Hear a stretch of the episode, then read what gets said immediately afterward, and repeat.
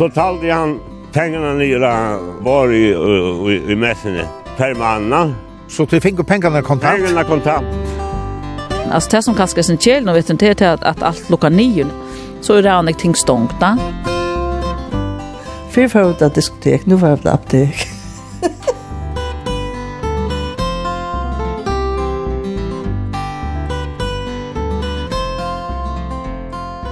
gåan til, og velkommen vi atur og tur.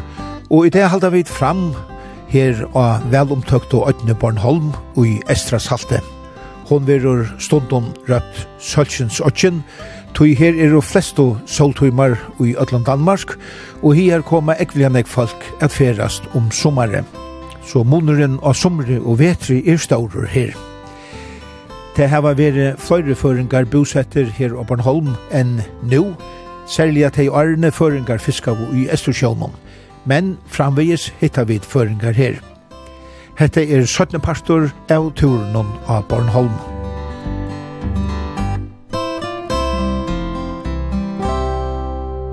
Hensia Einarsson og Finn Jespersen byggva her i Åkirke by, og Hensia tid flott og urfarjon og til Åkirke by for fem år siden.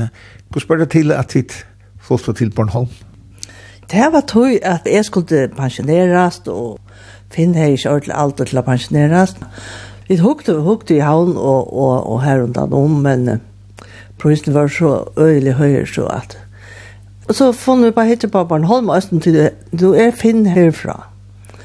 Det var rettelig bildet til hus. Så i 2013 kjøpte vi disse husene i Åkerskeby som sitter inne nå. Og det var ære pruser enn en det var i havn. For jeg skulle ha råd til å leve, og sånn, det ble gommel, og, og ha råd ferast, ikke minst. Og det har vi gjort, nekk vel. vi alle kunne ha ferast, men vi mer kunne. Og jeg skiljer at uh, en større tur er for fremman. Ja, det er den vanlige vetraturen. Han, han er bare blevet langere og langere for hvert år av Gran Canaria. Ja Jeg började jeg vis nere vanlige trudja viker, laksåret, og, og nå vet jeg til at vi var fem måneder.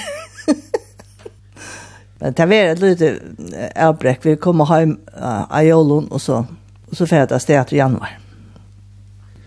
Men uh, hva er det for hus til det var kjøpt? Er det Bornholm? Ja. Hette er faktisk en, en gammel boihus. Det er noen kvadratmeter. Vi øtlån, altså det er i tvømhatten. Ja Og vi klarer at bygge i nedtatt. Så her har vi et loft av trett vi tar med kamera, så tar vi det gestet så har vi plass for tøym. Så her var en, en liten gær utenfor i østene, nok så vel var det en gær. Og til funnet, ikke nekva halta, akkurat passet litt jokk. Og det er garasje? Å ja, det her er et, et, et, verste eller garasje eller hva det er. Jeg passer en motorsykle inn, og så synder jeg av verktøy, og så har vi vaskkjadler her, og vasker klær og sånt her. Det gjør det til at vi kjøpte oss i husene, tror jeg, at det er sånt. Det er det verste til. Finner bruk for det til motorsykler og sånt. Og vi er en fin byer bygg, og særlig her som vi bygger alt igjen, Her vi der midt i byen, og her er tatt vi alt. Vi er tatt vi handler, tatt vi apotek, ikke minst, da man kom opp i min alder. Før før det diskotek, nå var det apotek. Her er det Klattene handler, optiker og ja, bækere. En øyelig døylig bækere. Og så er det vanlige supermarknader til det. Kjente dere øyelig velkomne om bøyne veien og Pinn følte seg, så øyelig, altså vi tenker turer her i bøyne og han fortalte meg alt som um, han kjente her, og alt som, som det har vært før, tar han for. Men, men han var bare fyrsten, da kan han være da. Han flyttet i Åkerskeby. så her er nok snakk brøtt av løkka, og siden ta. Her er vel ekne til å bli gammel i halvtid. Jeg tror at alt er så tatt vi, og husen er veldig praktisk til oss. Og hva annet får det tog innan kan vi? Altså, jeg selv får alt tog innan genga, om jeg er ønsamøtlig eller sammen vi gjør det, men Jeg har mine rutiner nå jeg blir en pensjonist. Jeg, jeg får spekelig opp om morgenen, hittir et nødtjøyt og alt det forskjellige. Så får jeg jeg og å trene det her, vi tar en mennesker holder bort vi. Det er nøyest jeg halda vi løyke et eller enda det pura galt. Alltså jag har jag har en gåva förska vinkeln här i byn. Bor takt vi jag också. Elin og vi ble fylgjast og færa hura og sånne. Så har vi bindeklubb, og det at um, jeg trønns til jeg ha vært førselskap, og så jeg løyde meg forskjellige føringer fram, og jeg har så funnet til at til noen bøsker av Facebook, og som heter Føringer Barnholm. Her har jeg så skrivet i at, at jeg bjør et bindeklubb og sånn. Så vi møtes av og hjemme til åkken her, og jeg tror at det er like så vel fire vi bygger på mitt og så er det her. Og mer damer så øler vel her, gjør også vi først og møte og sånt. Da er vi i fyrre nå, fyllt koffert, hjemme til vi forskjellige gå og møte, så så ble jeg bjød av en bindeklubb. Så jeg at, men da har jeg har akkurat jeg har selskap til i et. Det er vel å få først, men jeg får det ikke ofte han jobber bare det ger det kan att, att få förska med. Ja. Yeah. Man vill glädja sig man vill göra. Ja, det är akkurat det. Det, det sitter så öjligt större brus på det. Det är ordentligt stort lite. Trivs väl här. Men alltså är är nog så ofta för vi har ju ommebönt så mer man hittar på först till att det är så stor tog gånger kött och det växer kött, det utvecklas kött så är man fällt sen det vi. Är det nog så ofta för. Og Finn, han er yngre enn jeg, så han arbeider inn. Han uh, arbeider kajen i Rønne, akkurat sammen som han gjør det til Bofarjon. Ta arbeider inn kajen i Havn, eller kajen i Kotlafyr, og er med Flotto. Så nå arbeider han kajen i Rønne, tek med fergene, uh, som sykler med linje Ystad og Rønne, eller Køke og Rønne. Og tømmer og fytler fergene vi trener. Så han gjør det faktisk det samme som han alltid gjørst det er damer hun øyelig vel. Ja, Bornholm er det sånn så at her er mest av gjør om sommeren. Da arbeider folk halvt nekv, og det er ikke finnes så øst. Men så, så minker det, men jeg faktisk er her i øyne, ja. Så minker arbeid i øyne. og vet hun er det nekv minne jeg gjør enn en om sommer. Arbeidsplasser er øyelig lealigt på den maten at, at han kan gå få fru til som vi där bruk för jag får fru Færa Gran Canaria. Og så har han også lovet at, at han, han kan bare arbeide innan om sommer. Det gjør han så. Att Bornholmar, det jo ulla loik føringum faktisk. Nek av dem er familie på en annen, og de ganger nek ved kyrkje, og, og ganger høyt på det andalega. Og det er flere sekter, som det også er i farge. Så på den måten minner det øyelig enn jeg om, om farge. Og folk kjenner hver annen, og folk kjenner selv om de øyne åkken, selv om vi er tilfytere. Så vi skulle være hampelig og pen, så det er ikke har noe ringt å si om åkken. Annars så går sletteren akkurat som hjemme.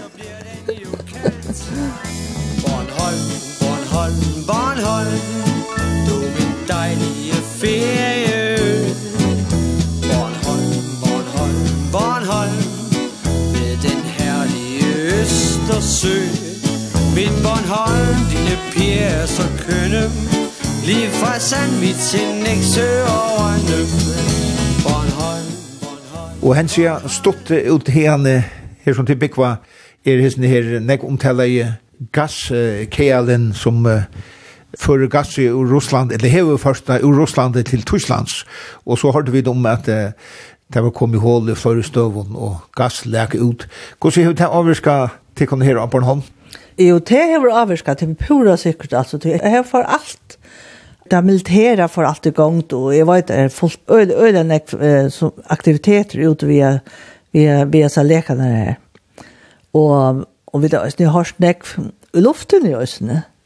Man har så här F-16 flåføren, det, det har det øresinn enn en et vanligt passasjerflåfør. Det har man at det, det er nok så ofte i luften alt det var sørste vik. Da hørte jeg at han at jeg har vært fremmedlåfer her, og så kan man gitt at seg per det kommer fra. Og så gjør jeg marknaden, og tog jeg marken, ta for strømeren, knapplig. Og det, det var, altså, åtta neka som helst, ikke en gang elvever eller neka. Det var pura en avverk, så for strømeren, alt for. Så prøver vi da løyte i telefonen og RSS om anker seg neka. Jeg fikk sms i telefonen at strømeren var ferdig, det råkna vi han kom atter ta og ta en tvær timer. Og det var det eneste. Men, men det er for rundt som rødde seg på han, og faktisk som alle ver, ja, vi har hørt, at streimen var her inne Bornholm. Men jeg opplever det før, og streimen er ferdig. Så det er en kapel som kvart verer avsilder, og at han så fer. Det er en kapel mellom Bornholm og Skåne, Svørts. Og blir folk avvirket i alt det? Alltså jag hade folk utanför Bornholm blir mer avskräck än vit. Vi har upplevt det för och Aloika var vart kanske sindre örvsen i hesa fer att han får till nu var nu var helt färdig på ett år. Det var kanske sindre och onligt Aloika en alert. Man husar på en av nu har rossarna och snä är här. Det var så inte tar hes fer. Inte akkurat hetta vi ström. Men vi hinner inte här. Gida det att det är han. Det är Putin. Han er tatt på av oss. Tjokk. Kjell er bort utenfor Bornholm. Sørsta sommer ofte, da så vi skipene som løtt og kjell. Vi så til, til arbeidet her. Ikke lengt fra her som strånden tjokken er. Ja, det var øyne tatt på nå. Kanskje foretatt. Og det mest vi man ser hermen och akt, sådana hernaliga aktivitet som är mer enn en vanligt. Det er Orla og Modne her av Bornholm, og jeg råkner vi at første oppgaven til borgerskjørene her av Bornholm og i morgen er at gjøre samråd vi med. Borgerskjøren Øytor Jakob Trøst, Han er en av tømmen nødtjån tilflideren her av Bornholm. Han kom her at arbeida som politistor for tvei måneder søgjende, og var valgt i kommunstyret og fikk òsni anledning at bli borgarstjåre av Bornholm. Og at møter i fargen, så er ein kommuna av Bornholm, altså Øtl åtjen er ein kommuna og til halvtid er, er avhåverst at høyre syndrom. Og så er det hessen her nekv omtala i gaskhelen som uh, gonger mittlen Russland og Tyskland, Han fer jo bant fram vi Bornholm her i Estrashalte. Det halte i øysni er åhoverst at høyra kvæt myndeløyganer av Bornholm halda om til støvna. God morgen, Jakob Trøst, borgmester på Bornholm. God morgen. Klokken er 8 om morgenen, så vi er morgenfriske. Men når man er i en kommune på hele øen, hva legger man så, så vekt på? Jamen, øh, som politikere lægger vi vægt på at fordele ressourcerne ligeligt øh, i forhold til, hvor at borgerne de bor, i forhold til, at der, der bor lidt flere i Rønne, end der gør i Næksø, og, og igen lidt færre i Allinge. Men vi lægger stor vægt på, at vi er politikere for hele kommunen, og ligesom administrationen også er delt ud øh, i flere byer, øh, har vi dele vores administration, og vi er også administrative medarbejdere fordelt på hele øen. Vi er 23 øh, politikere i kommunalbestyrelsen, og vi er valgt på hele Bornholm, så det vil sige, at vi bor forskellige steder. Og på den måde er hele Bornholm også repræsenteret i kommunalbestyrelsen, så der bliver taget øh, hensyn øh, til, vi skal tænke hele Bornholm ind, når vi øh, laver beslutninger. Hvad lægger I vægt på for, at folk vil bo på Bornholm? Bornholm er jo ret øh, unikt, fordi vi er det er en kommune, en ø, og vi har en en smuk natur og det vi har en helt speciel kultur på Bornholm, så der der er mange som som synes at det er attraktivt at at flytte til Bornholm. Øh, samtidig så er vi jo også lidt isoleret, fordi vi skal med fly eller færge for at komme til resten af Danmark. Og det giver selvfølgelig nogle logistiske udfordringer, men det er regeringen og det, det er staten øh, og Folketinget opmærksomme på, så, så vi får nogle tilskud til transport, sådan, så det ikke er, er ret meget dyrere. Selvom vi bor på Bornholm, så kan vi stadigvæk komme til resten af Danmark, uden at vi bliver ruineret. Der har boet flere mennesker på Bornholm, end der bor i dag, altså. Ja, sådan helt konkret har vi en uh, tilflytterkonsulent, som prøver at rekruttere og prøver at, at, at få flere til at flytte til Bornholm, så, som aktivt går ud og arbejder for, at, at der er flere, der flytter til Bornholm.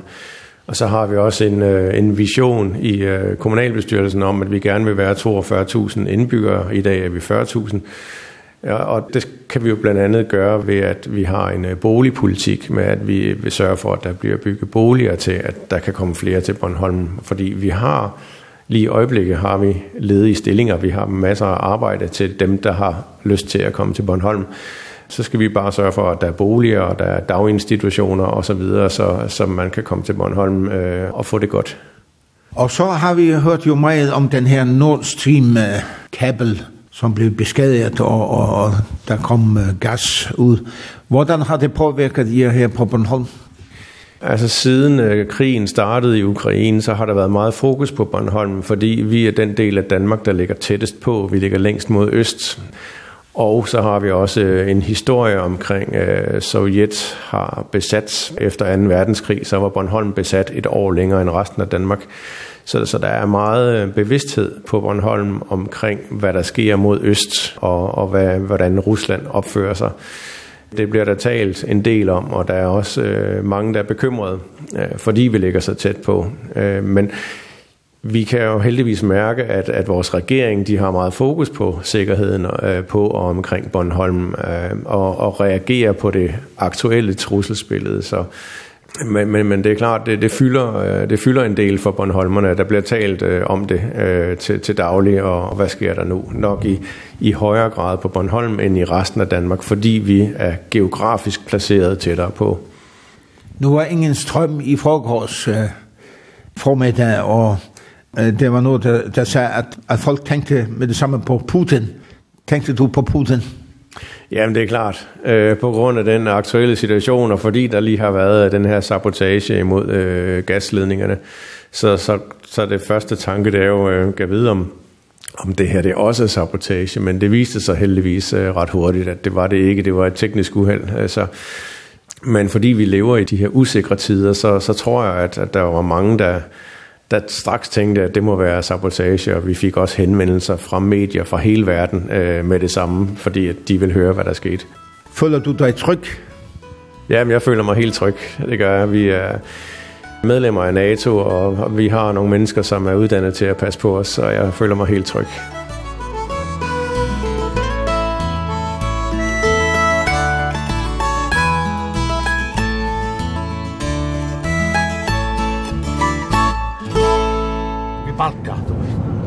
Nu kører vi fra Åkirkeby til Nexø i bile.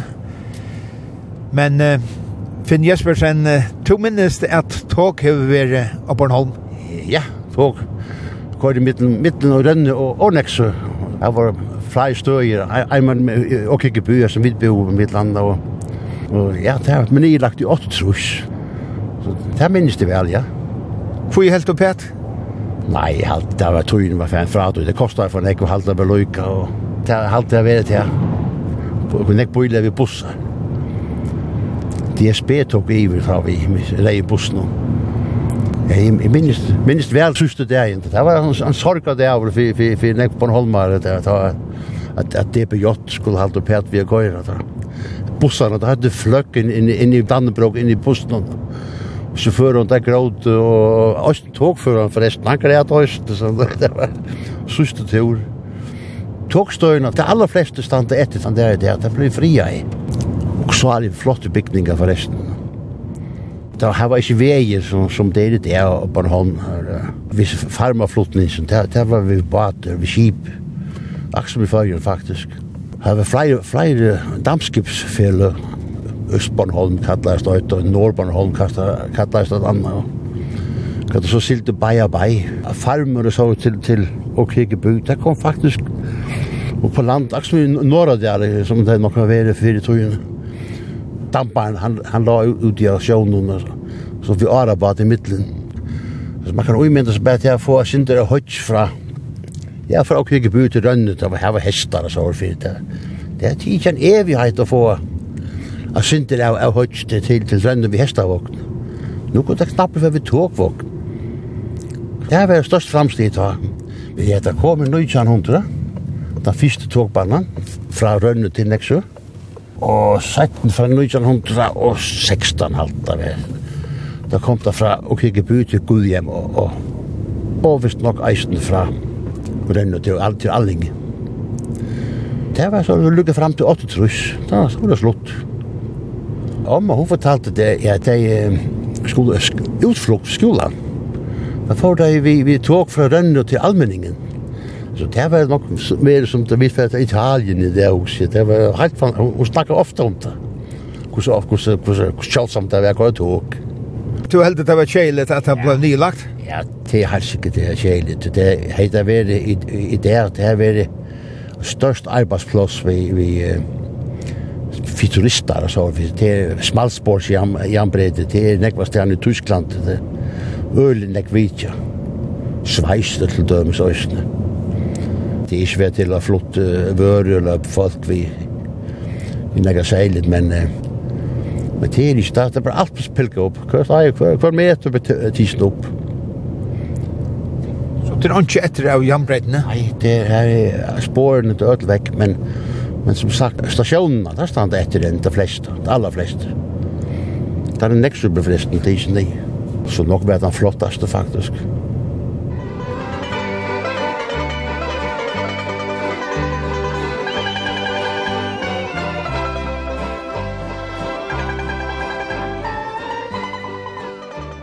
Tant tøyta vær i 8-10 og ein parste av 90 åren var nekverføringar av Bornholm og silto vi føreskon fiskeføren som fiska og tosk i Estersjønnen og te vær ubyte vi russar som at vi fire fingo svartkjaft i føreskon kjekve.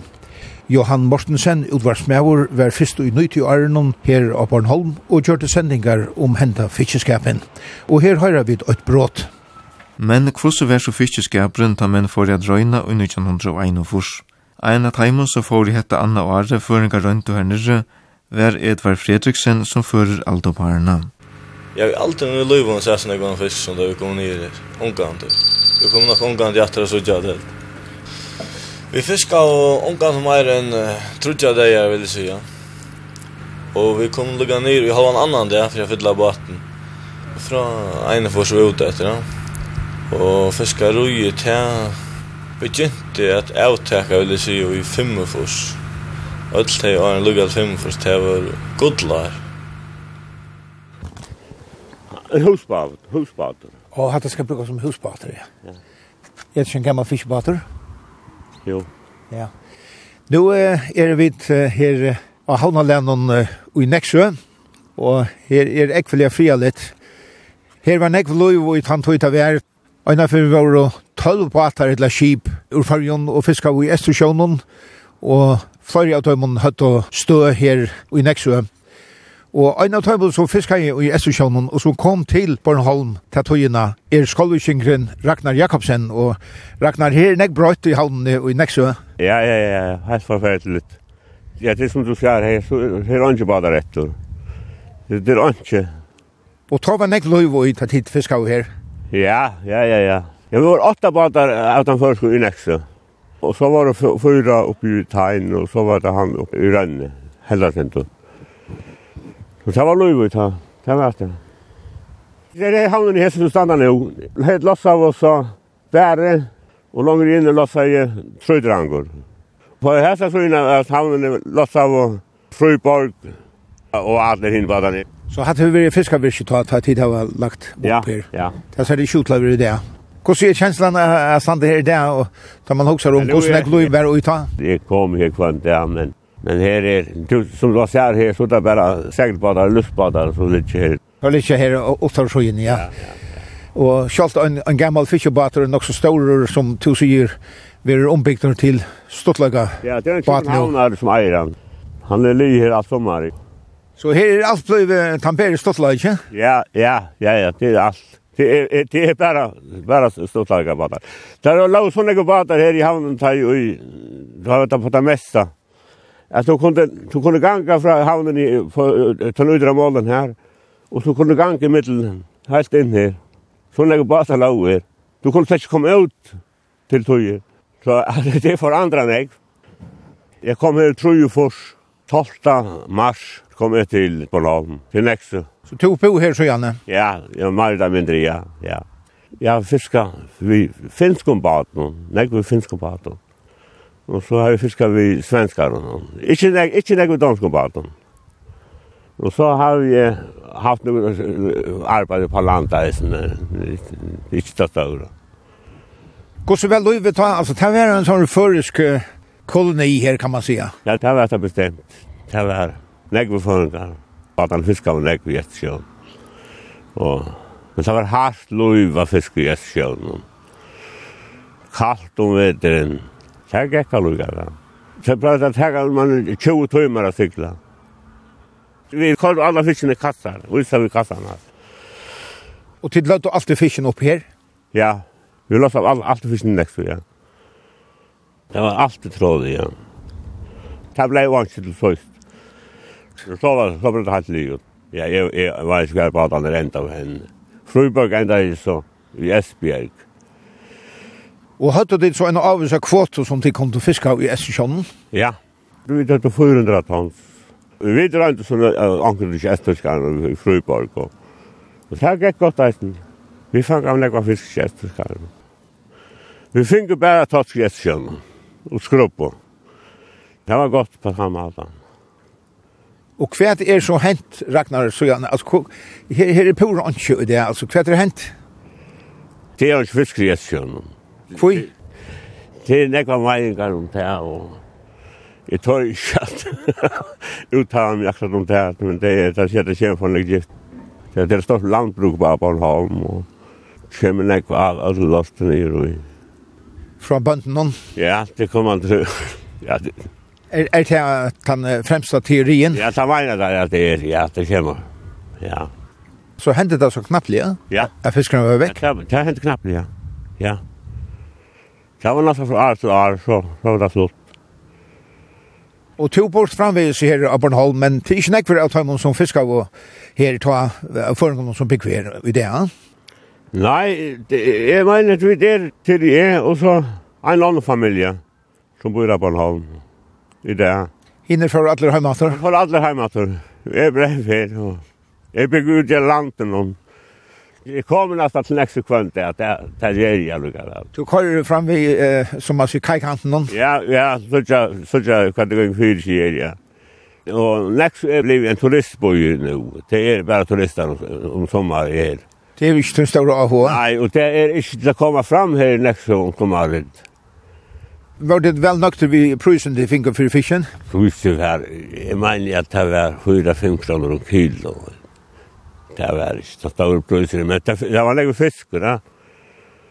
Ja, jeg tar løs så vel. Så hadde vi Ola Nilsen, kjellmannen, vi kallte vi kjellmannen. Han avrokna i badene, da. Og så da du hei lossa klokkan 6-8 om morgenen, så kom han om han vi til stående brune skolataskene med pengarna. Och så talade han pengarna nere av, av var i, i, i mässan per manna. Så du fick pengarna kontant? Pengarna kontant. Men så men så följde det som man betala skatt men men det gjorde man nog inte.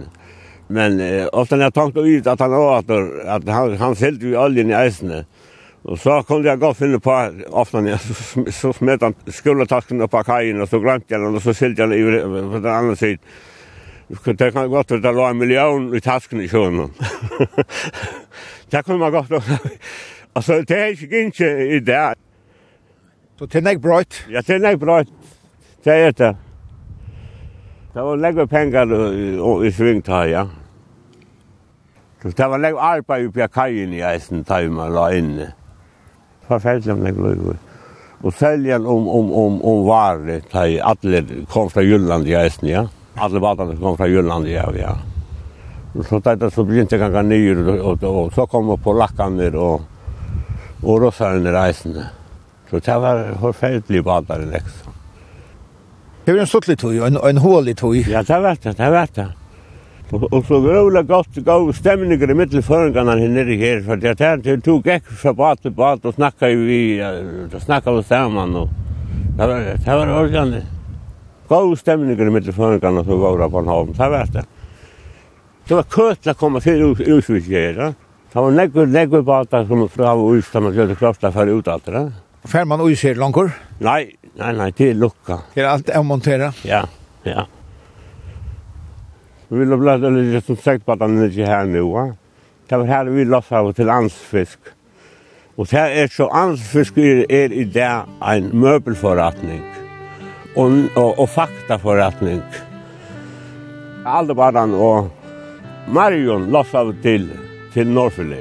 Og det er vekk, det, det er han til Norrfylde, Meira. Og her som, som havnakontoret er til matstover i det.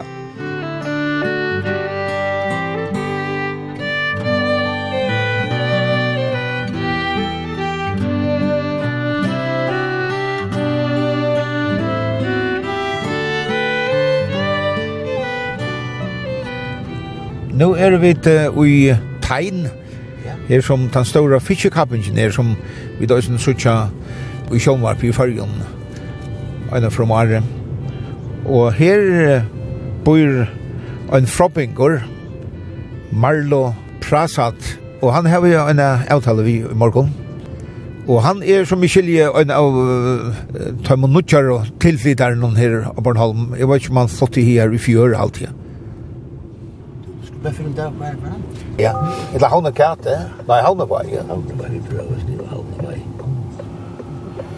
Havna var i Holtrush. Holtrush? Ja. Holtrush. Tegn. Tegn. T-E-J-N, ja. Nei, David. Nei, stått litt navn, på noen. Vi er et formnåttet fra. Ja. Ja. Vi kører over. Ja. Ja. Nu er vi inne til Marlo Prasad ur Fråpa som bor her i Tein. Marlo, jeg skiljer at du er en av de nødt tilflytteren her i Tein. Ja, det er omleit år siden og flyttet i Bant. Så det er nok så nytt stadvek at uh, stedet ikke inn i tingene i Bant og, og lære om området og jeg forstand av språkjøsene. Først ja, to eller konan har tilsnuttet til Bornholm på en løs. Altså, hvordan spør det til at det ble Bornholm? Ja, ta en av det til er at uh, jeg kommer vekk forskjellene kan man si. Her er nok så stressande vi arbeidsliv og, og trafikk og så, så det er jo påvirka meg nok så nok. Og jeg har faktisk langt nok så nok til følger. Og det har ikke passet så godt inn vi løyve, familieløyve og så der flytet til følger på tannmaten. Så det er et godt kom kompromis. Så, så det er deilig. Er det sjønnen til hvor langt etter? to bare vi heve og eisne naturen som helt. Og her, altså det er ikke som vi fråpa, her er søylesteiner og så kan man kalla det og basalt. Så her, er her er masse av granitt alle steder, så tror jeg jeg bakket området og så det gjør man noe. Det er godt. Jeg arbeider eisne vi folk som hever forskjellige skier i kroppen. Her arbeider vi akupunktur og akupressor. Man tröstar her som her som det är några blockeringar i kroppen og så löst den på i tog. Och så nalnar tar hjälpa tar hjälpa öliga gott i snö till att få fatlaslapp på nervesystemet. Og är så att du har några utkyr här i stålen? Altså, du arbeider hemma ved hus? Ja. Du er akkurat börjar nu sista månaden. Lycka få gång till det. Det är ganska gott och få kommer och det er glad för att få behandlingar. Til den ene måten jeg arbeider på, det er det fysiske over kroppen, til det er sånn psykisk, så arbeider vi psykoterapi. Jeg er akkurat byrja vi tøy og byrja skriva syndrom, fartøyna og, og hvordan man kan komme av vujere, hvis man har haft denne her oppvokst og så, så, så her har vi Instagram funnet mer gang til jeg nå, så det, det er spennende å komme gang til sånne ting. Så du lukker som tåser av egnar erfaring? Ja, det gjør jeg, ja det er den veven som, som jeg har funnet personlig erfaring. Det er mer at du er bare enn å lese om noen teorier. Jeg er selv alvorlig sjuk i lunken Jeg kan fokusere på de tingene som jeg ikke kan, og bare være fanget av det i tog. Men för mig personligen så så det är øyelig, øyelig viktig att fokusera på det tingene som vi kan göra. Til så får jag mer glädje och livskvalitet. Det är viktig att jeg får fokus på det som man kan gjøre. Så hvis folk har mer å att läsa om eller hör om det som vi gjør, så har vi en Instagram-profil som heter Prasada Terapi. Vi har også en av Facebook, men det er tve forskjellige ting som jeg arbeider med. Det er bygget på vi havnene i tegn, og det er helt den store fiskekappen som fyrir fram, som vi da var så i sjånvarpen og i følgen. Ja, yeah. Töjligt stått lott och det är spännande att såg nog. Det tar lite bänt utan vi har bänt och andra förresten och så hade som nästan kanonskott till att köra det gångt. Det är öliga kraftigt och ta ger det en tvefyr om det igen. Det är förresten. Tills något båtar så tämligen jag det upp. Så det är öliga spännande för vi. Det är nog lov i byn där vikna eller kanske ens vikna åren. Typ folk kommer till langvis fra så det är nog så stolt att såg att det är skottet för en tur att det det är nog bara där och till olika stötter och några av dem cyklar öliga kött och några synter sanjer så tar som cyklar köttast och vill ju ut det här och det bästa plåset där färra vi vi rukande för kan man säga. Det är nog stått så ja. Och där färra vi alla rätt så Här är öliga variera av folket och här är nog tillflyttare. Det kommer från Kjelland och det är ofta det samma till att få sin var fri än, än det har haft. Här är nog föreningslöv är nog tilltök så det är öliga lövlut på tammatan så det är alltid också man kan färra till och och vara vi kvätteldöms hvis man hur några vi religion så där nok ehm kor och sinja och til möter och så där och så där är sen är utrata löv er innan dora kappingar och så är ehm fitnesscenter och imiskar ehm cykelkappingar och det her var sånn treningsområde for kjellighetens. Och det här var en nabik var här på en så, så, så det är i kontakt vi går inte. så man kommer ikke noen om det. Och så möter man alltid folk ute, och så kan man känna någon annan. Här bygg vi ikke nok folk, Här bygg om, man, om det är en 1300 folk i tegn, så man kommer kjøtt till å møte folk och snacka med folk, och så känner man akkurat som känner akkurat, Och så, så det är akkurat som i førjen. Og i tegn her er noe som heter tegnballforening, Og tar man flyter till så kommer de opp av Vidjan. Og de har opplysning om området og om imiska foreningar og hva man kan gjøre for å involvere seg. Det her var et uh, midbahus. Her kan man for om man møtes med folk ene fra mannen. Og så har de en nekka som det kallar for en tegnpakke.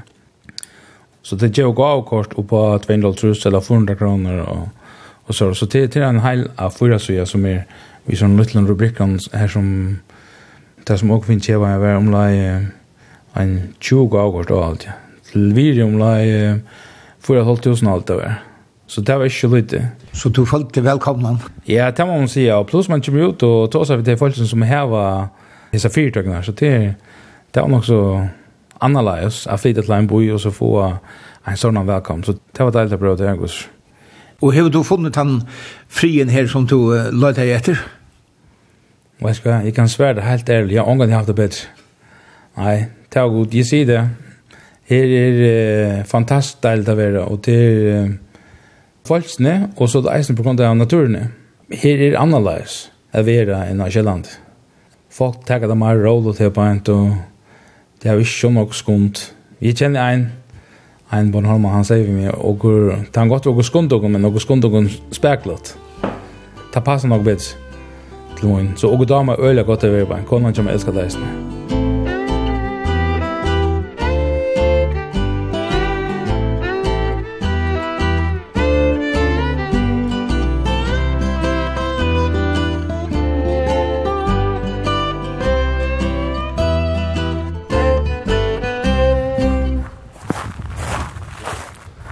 sovjetiske kyrkjegær, russiske kyrkjegær. Og i allinge. Ja. Det er sin særlighet.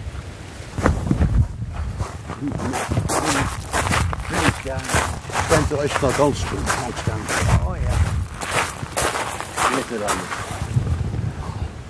Ja, ja, ja. Så stod han i heimen om Brøydesnekv. Her stender og sånn her, minnesverden her, evig berømmelse for de russiske helte som offrede livet i kampen mot tyske okkupanter, fedrelandet.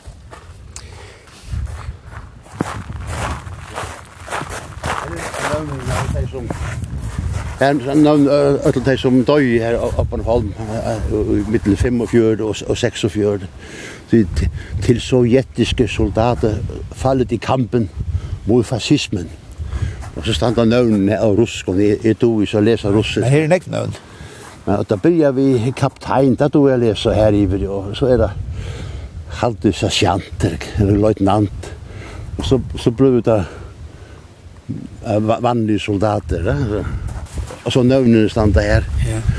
Men jeg finnes jeg, det er sovjetiske, det er ikke russiske, sovjetiske, og, og, og det var nå da russerne over hersett Ukraina, da skulle det komme över her og halda kvart og til ambassadør, russisk ambassadør i der og lekker noen blomster der og sier noen ord. Og så pleier borgarstjålen på Holm å komme vi, og, eller onker fra, fra, fra kommunen å komme vi. Men eh, i år kom ikke fra kommunen, så han var ensam at det der. Borste seg fra, her kom noen, noen uh, folk fra Ukraina som, som bor her i Bornholm. Da kom jeg og, og leie blomster i Østen. Alt det var 1. mai de, de hadde samrøve vidt ham, og da fortalte de så ukrainske at, at det her er ikke russisk, bare at det er sovjetisk. Og Ukraina var jo en pastor av sovjetsamveltene. Og de fleste av oss nøvnene her er ukrainare.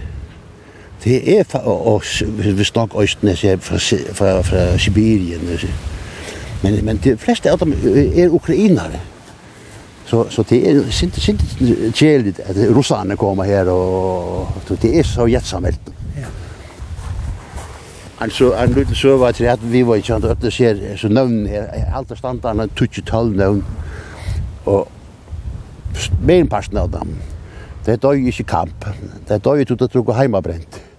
Det det var nu synd såna krus. Då jag förgiftning av ett land som vi inte gärna med att brände brände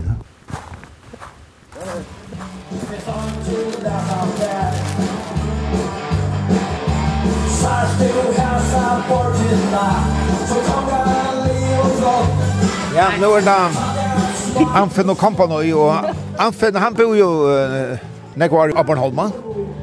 Ja, han bor nekvar i Abornholm. Fiskar jeg i Abornholm, ja. Det bor ute i Snågebæk, Anfinn og, og konan og bøttene, ja. Han er i luften over musikken, ja. Han er gauan musikk, ja. Bant her som vi setter bilene, her sender Batren. Eh, så er det grønne i vinteren her, styrt? Åh ja. Ja. Hattan sånn. Hallo. Hei, hei. Jeg er jo neksjø av Bornholm. Oha. Må så ferge inn. Ja, jeg burde det. Du vet ikke om hun er stor. Er stor? Så, så, så, tenn. Ja. Ja, ja, fullkomna. Ja, takk for det. Grinta på i havn. Grinta på i havn. Ja, nå sånne ringte. Det var det tur her. Ato, Fred. Må være ved inn mot Sandakjere. Så dit at vi kom nå, hæ? Så dit, jeg finner noen dunne pura til meg. Hva skal jeg? har ikke brei etter. Nei. Alt brei er oppe, jeg har ikke kjøpt noe brei. Så jeg hadde kaka, jeg har jo ikke, heter det da. Hæ? Så to finner ikke viner her, Lanko? Ja, finner ikke viner, ja, ja. Heiti Johannesen, hva er kjærst du tar du ikke er her ute i småttene, vi er så fitt og halmene i Neksjø? Jeg arbeider for kommunene som SSP-konsulenter, og her har vi vært 16 år nå. Ja, SSP stender for skola, sosialforvaltning og politi. Så det er uh, et samarbeid uh, vi er fyrbyrja, bøtten og ung, at det ikke havner ute i kriminalitet. Bøtten ung som heva, heva det. Jeg vet trubbelang som er i mistrys på en eller annen måte. Ja. Er det nekve å tog her?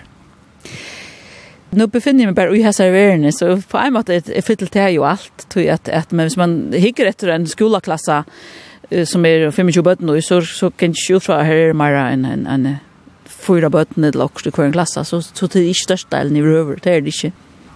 Ja, og jeg kan sånn i han arbeider ut ja Jensen i Rønne, som er den næst største virksomheten av Bornholm. Kommunen, den største virksomheten, og så Jensen, som er næst størst. Her er en 400-500 manns ansetter. Her tar jeg maskiner ut til alle verene.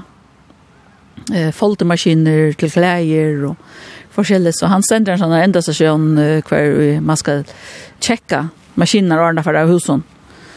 Hva gjør det i fritøyene her i Neksjø? Jeg sånn hever han, han hever en dress og jeg fisker, så han hever en liten båt, han sikler ut ved, trollar og fiskar som det er ikke nek fiskar å få han jo, tyvärr, så det er fullt minkande det hele. Og så brukar vi, altså naturene brukar vi nek, gengar nek, nekva turer og sykla nekva turer og det er ordentlig veldig. Det er en, en jeg vil kalla det en sykkelodge, jeg kommer nek ved turister som sykler, runt Bornholm. näck vi gå och sykkelstier alla steds. Så jag vill säga att det heter et fantastisk sted å och och og her nekstø, Så om vi da bor här nu i, i 30 år, så har vi ikke vært et stø enn noen tur som man kan gänga tur til. Har vi inte. Det är en fantastisk flott stø. Det är en, ett annat naturen i førjen. Førjen är fantastiskt. Det är størstlig på en annan matta. Och här är nek annan. Men det som vi er rødlig här for är er veveleie nu är man vänner vi vi får vi och lära och också om så tar ju så är som att snacka om att verkligen verkligen ringt till så att hon inte ringt? Jag hade hörst det jag hade alltså till man är vänner vi något annat så är alltid att allt är ju gott här men men då är bäst alltså i maj juni ta, ta allt springer ut och sort och sommar sort. Det är två olika åtgärder vill säga. Om sommar är det storstappa och följt alla stress och, och ranekturistar och om vetren alltså det som kanske är sin kjell och vetren det är att, att allt lucka nio när ett stö och handlar och ta ett transferen slott så är det ranek ting stångna och så är det som som här var som som kaféer så skön hur och handlar stadveckor öppnar men men men till öliga öliga det på tandmattan men men i halt är man nöjter man nöjter frina lokala vetren på en, på en annan matta så vänder man sig bara vid det och, och brukar ta faciliteterna som är de vetrarna Jeg har en av døtter i førjen, og tror ombøtten, og sviger sånn. Så det er deilig, som regel er vi alltid av jålen, halda jålen førjen. Og til som fast, og, og døtteren og familien til henne, de er her om sommeren. Til som er alltid fast, at de er her nere om sommeren. Så har vi vid en annan son som har bor forskjellige steder. Han har eisen bor i og bor i Finland og i Østerrike og akkurat nå er han i Skottland. Her er han Så er at man neste måned til Skottland sånn tur. Ja, bare så ikke hva han bor, og mest kulturen her, og, og kom inn og så ikke han fotball sist. Og det er altså Jan Fredriksen som har spalt fotball i førre, og har også vært av landslinjen, og nå har han just kjørt Sottmala i, i Skottland, så du har atlet til Skottland, så vi ikke. Ja, det er atlet meg. Og, og jeg har planer om å fære her midt i november, så fære jeg en tur. Så det gleder jeg meg til. Så har vi en son eh, som er en tjoar som er her av Bornholm, som bor hjemme enn. Han er akkurat utlært smier. Og finner en sånn, han er studentereksamen hos mig, som tverrutdanser i Einon, og arbetar eisende samme sted som jeg kan sånne pappsøyn. Det er her som han utlärder og, og har finner fast arbeid nå at han, han akkurat er ferdig oppbyggende i sommerferien. Så han arbeider eisende av Jensen i Rønne. Så til truvast? Ja, vi tror det var så til, det må jeg si. Vi da var jo sånn ikke var, men hoksa, vi det faktisk var mer da på og Bornholmen er vi i førjen, da man hoksa i åren när man i livet. Men det er ikke gældig å komme sammen vi førjen? Nei, det er noe særlig. Altså, da, det er da man var godt. Det er, et eller land så här har vi en eller annen mentalitet alltid på en eller annen måte som, som, som man har vissa man från Bronkomatan så, så jeg elsker vi samföring. Pröva du ska ta skott om kan här nere. Selv om vi er på Bornholm, at vi møtes og hun og hun og tåsa og bare til å snakke først og høre først om musikk og etter først om et og så. Det er noe helt selv. Kommer de ofta sammen? Ja, så hens jag kom av Bornholm, så har hon til gång då og finner samlakken at vi har føringer for fyr som Simon Abrahamsen hei, som ikke lever mer tyverre. Så han har gång til ta, så där vi stilt i nekvar, og så, så hens jeg kom, så jeg kom gång til i ett år. Og hon er offer. Hon simpelthen får måtte samla kon saman at det er Bornholm. Ja, jeg fikk hvert at jeg får nye her og i 91 alltid av her. Så jeg kom sånne som jeg lever sammen vi bare her nere i fiske i. Sammen vi pappesund som har i tverbatter, ørvor og alt bare her nere. Så fikk jeg med orlo og hjemme i førjen et år og for her nye. Ja, for jeg prøver nok Anna, jeg har en døtte på seks år ta, Maria, så vi bor for her nere over et år. Så vi da, er jo godt kommet hjemme. Nå er vi her. Ja, det må være en tredje år, eller noe. Du vil nekst så et lørne? Ja, nekst så et lørne. Ja. Her som batan er platt, eller skipen er platt og litt, her er ikke nekst løy og innu, og gos er samband med fiskskap. Nei, her er ikke fiskskap langt, her er alt lukka nyer, og ikke batar etter fiska, og uisverske lukka, alt er lukka nyer, så nu er man begynt å bruka kaina meira som turister, men her kom flere kaféer, rogeruier, og og te mala målningar i nokon hus og så så det og det blir gjørst til turismus sen vir. Er det ikke løy for det tannbrøytingen? Fyllt er det noe annet. En brøyt, større brøyting ui at det ikke er en, fisk, en, en fiskabojer ta. Og det er det bare slett ikke langer, men det lukker som om at det er bare et annet slags løyv nå, til at det er turist, turismen som er, er blitt så mer større enn å være. Her er løyv, men det er ikke det samme løyv.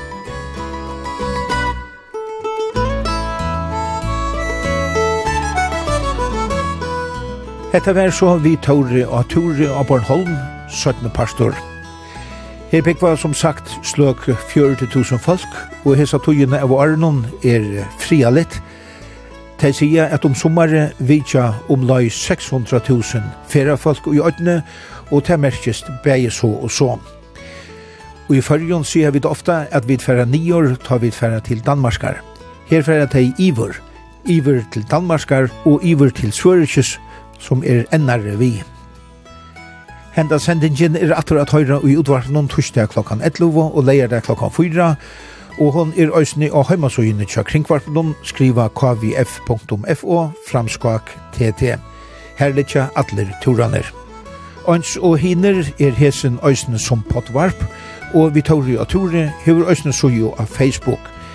Her fyrst du at sutja myndir fra turen av Bornholm. Vi tøyrast, takk fyrir hesa fyrir.